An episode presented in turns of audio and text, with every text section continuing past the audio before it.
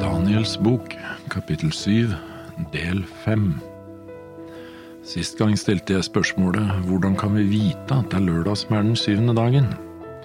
Det er vel ikke noe vanskeligere å vite at lørdag er den syvende dagen enn at søndag er den første. Argumentet for å holde søndag som hviledag er jo at det er oppstandelsesdagen. De fleste kristne er enige om at Jesus døde på en fredag. I Lukas 23, 54–56 så leser vi.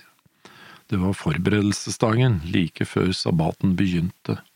De kvinnene som var kommet med ham fra Galilea, fulgte etter.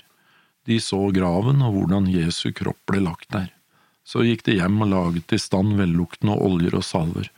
På sabbaten holdt de seg i ro som loven krevde. Legg merke til at fredagen ble kalt for forberedelsesdagen, for den ukentlige helligdagen som var sabbaten, det vi kjenner som lørdag.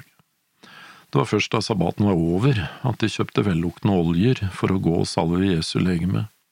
Tidlig om morgenen den første dagen i uken, som jo var søndagen, kom de til graven. Men nå innvender du kanskje at det jo er søndag som står som den syvende dagen i vår kalender.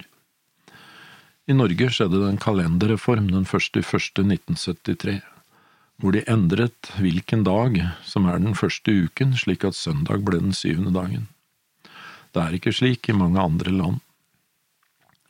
Selv om mange mener at søndag er Det nye testamentets hviledag, og at man holder den for å minnes at Jesus sto opp på graven, er ikke det Bibelens lære. Man bygger det på en tradisjon. Dersom du skal legge Bibelen til grunn, og det bør vi gjøre for hvilken dag som er hviledag, så er det ingen tvil. Både i Det nye og Det gamle testamentet er det sabbaten, den syvende dagen i uken, som er lørdag. Det er litt spennende å lese Guds ti bud rett ifra Bibelen. Jeg leser nå ifra det fjerde budet, som er hviledagsbudet, i andre Mosebok kapittel 20, fra vers 8 til og med vers 11. Kom hviledagen i hu, så du holder den hellig. Seks dager skal du arbeide og gjøre all din gjerning, men den sjuende dagen er sabbat for Herren din Gud. Da skal du ikke gjøre noe arbeid, verken du selv eller din sønn eller din datter, verken din trell eller din trellkvinne, eller ditt fe eller den fremmede som hos deg innenfor dine porter. For på seks dager gjorde Herren himmelen og jorden, havet og alt som i dem er, og han hvilte på den sjuende dagen. Derfor velsignet Herren sabbatsdagen og helliget den. For at en lov skal være gyldig, så må den vise hvem som utsteder loven hvilket autoritet vedkommende har, og området loven gjelder for. Midt i det fjerde budet har Gud gjort det. Der viser Gud sin autoritet. Vi kan godt kalle det for hans autoritetsmerke, eller seil om du vil. Herren er Guds navn, i grunnteksten står det Jehova. Han gjorde, med andre ord han skapte, han er jo skaperen, som jo er hans tittel. Himmelen, jorden og havet det er det området som rettmessig tilhører Gud, fordi det er jo Han som har skapt det. Så hvorfor hersker ikke Gud mer i denne verden, da, enn han gjør? Det er fordi Satan har tilrannet seg makt i denne verden, og tragisk nok er det at det er mennesket som har gitt han den makten. Gud hadde skapt Adam og Eva, satt dem som forvaltere i denne verden. Gud hadde sagt noe og advart dem mot å spise av kunnskapens tre, men Satan ved slangen forsøkte å endre på det Gud hadde sagt. Dessverre hørte Eva på slangen istedenfor på Gud, og Adam valgte å høre på Eva og spise av treet. Ved å gjøre det så valgte de en annen herre. Ved at de lyttet og fulgte det Satan sa, så mistet de Guds velsignelse. Gud måtte da ta et skritt tilbake. Satan tilranet seg da makten over mennesket og ser seg selv som denne verdens fyrste. Men Gud arbeider for å vinne menneskets tillit igjen. Han døde på korset for å sette oss fri fra Satans makt. Gud har sendt sine profeter, slik han gjør med profeten Daniel som vi nå studerer. Historiene som vi har lest tidligere, i kapittel 3–6, handlet om konflikten mellom han som skapte og det skapte. Det er det det handler om. Det er hvem snakker sant, og hvem er det som er verdig vår tilbedelse? Å tilbe betyr å ha ærefrykt for, å underkaste seg, Spørsmålet for de tre gutta i Daniel kapittel tre var om de skulle tilbe Gud og underkaste seg det Gud hadde sagt, eller om de skulle underkaste seg kongens lov. Det var spørsmålet for Daniel i kapittel seks også, og spørsmålet er egentlig det samme her i kapittel syv.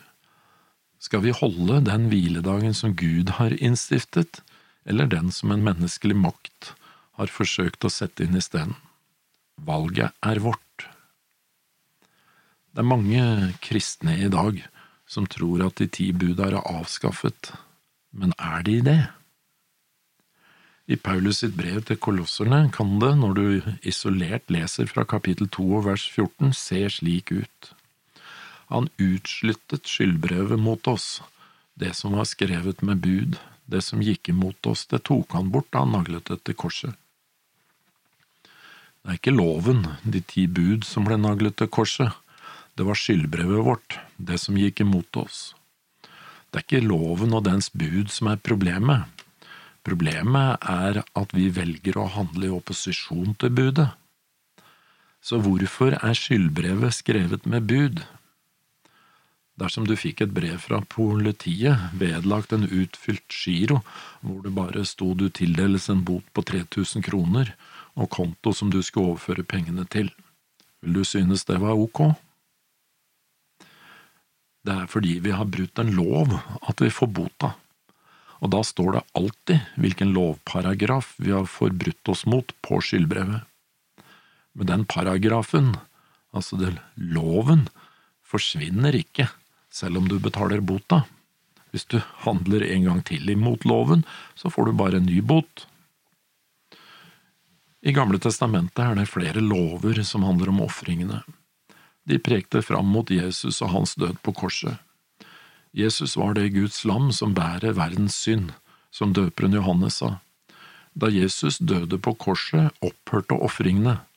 Dersom man ofret etter at Jesus døde på korset, så ville det være en fornektelse av Jesus og hans offer. Så seremonilovene rundt ofringene opphører ved korset. Jesus ble ofret en gang for alle, slik det er uttrykkende i Hebreerne kapittel 10 og vers 10. Derfor, noe av det siste Jesus gjør før han går til korset, er å innstifte nadværen. Han udødeliggjør bildene i Jesu offerdør på korset. Det er ikke en gjentagelse av offeret, men et minnemåltid.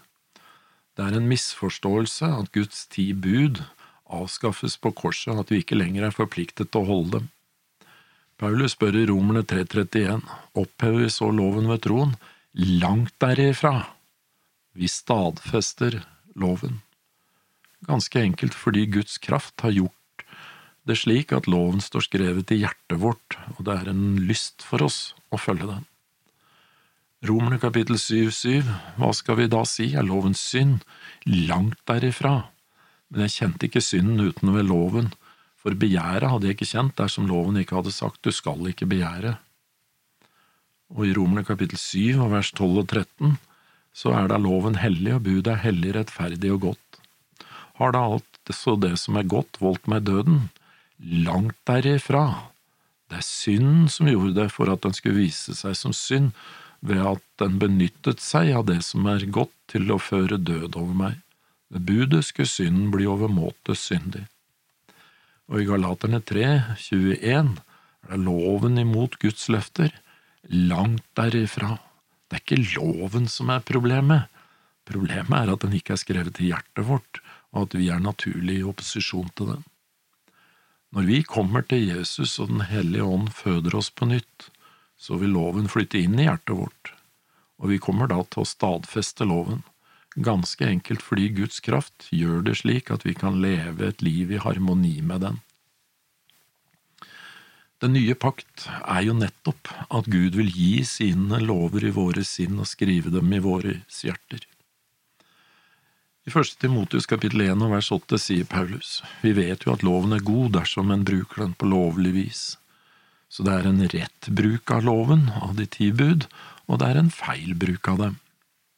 Loven er som et speil, når vi speiler oss i den, gjør den oss oppmerksom på vår synd, vi holder ikke mål i forhold til den. men den har ingen kraft til å gjøre oss lovlydige, få oss til å holde mål. Det er det bare Jesus som har, og den kraften som ligger i oppstandelsen, er den kraften som kan også sette oss fri fra døde gjerninger og gi oss å leve et liv i rettferdighet. Jakob han kaller eh, loven for frihetens fullkomne lov i kapittel 1 og vers 25. Dersom du har forbrutt deg mot Guds lov og kommer til Jesus og får din synd tilgitt, er det ikke loven som blir slettet ut, men gjeldsbrevet. Paulus skriver i Efeserne kapittel 2 og vers 14 og 15 om Jesus. Det er Han som er vår fred, Han som gjorde de to til ett og brøt ned det gjerdet som skilte dem fiendskapet, da han ved sitt kjød avskaffet den lov som kom med bud og forskrifter dette gjorde han for i seg selv å skape de to til et nytt menneske og slik skrifte fred. Slik det er oversatt i teksten, så kan det første øyekast se ut som Jesus bruker sitt legeme til å avskaffe loven. Avskaffe er oversatt fra et gresk ord, katargeo, som betyr å være uvirksom eller inaktiv. Du kan godt si arbeidsløs. I den engelske King James-oversettelsen står det ikke ved sitt kjød, men da Jesus i sitt kjød avskaffet. Og jeg tror det er en eh, riktigere oversettelse, for det var i sitt kjød han skulle samle de to til ett. I Jesus sitt liv fant ikke loven noe synd å peke på. Loven var derfor inaktiv eller arbeidsløs i Jesus sitt liv. Samme ordet katargeo er også brukt i Hebreerne 2,14. Siden barna er av kjøtt og blod, måtte også han på samme vis bli som dem. Slik skulle han ved sin død gjøre ende på han som har dødens makt, det er djevelen. Gjøre ende på er her oversatt også fra Katargeo. Djevelen ble ikke avskaffet på den måte at han ikke eksisterer lenger etter korset. Det er hans makt over de som tar imot Jesus og kommer til korset som brytes akkurat slik Johannes, Jesus sin disippel, skriver i sitt første brev i kapittel 5 og vers 18. Vi vet at den som er født av Gud, ikke synder, men den som er født av Gud, tar seg i vare, og den onde rører ham ikke. Dersom du i egen kraft forsøker å holde loven, vil du fortsette i syndens trelldom, for mennesket har ikke noe kraft i seg selv til å gjøre seg selv fri. Men dersom Kristus får slippe inn, kan Han ved sin ånd sette deg fri ifra syndens makt. Det var derfor Jesus døde på korset. Han døde ikke for å fjerne loven, han døde for å sette oss fri fra Satans makt over oss. Det står rett ut dersom du leser Romerne kapittel åtte fra vers to til fire. For livets ånds lov har i Kristus Jesus frigjort meg fra syndens og dødens lov.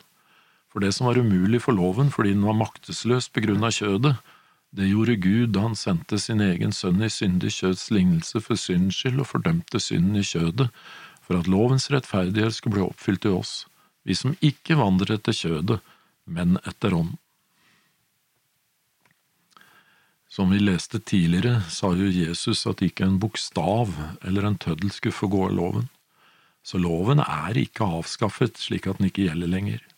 Dersom loven kunne avskaffes, ja, da døde faktisk Jesus forgjeves. For da kunne han jo bare avskaffet loven, for da var det heller ikke noe synd lenger, da trenger vi heller ikke noen frelser. At loven er avskaffet på den måten at den ikke gjelder lenger, er noe av endetidens bedrag. I Bibelen så kalles det for lovløshetens hemmelighet i andre Tessalonikerne kapittel to vers syv. Jesus er gudfryktighetens hemmelighet, mens lovløsheten herjer i den tiden som vi lever. Det var ikke bare loven. Det lille hornet skal også tenke på å forandre tider. Og neste gang skal vi se mer på det.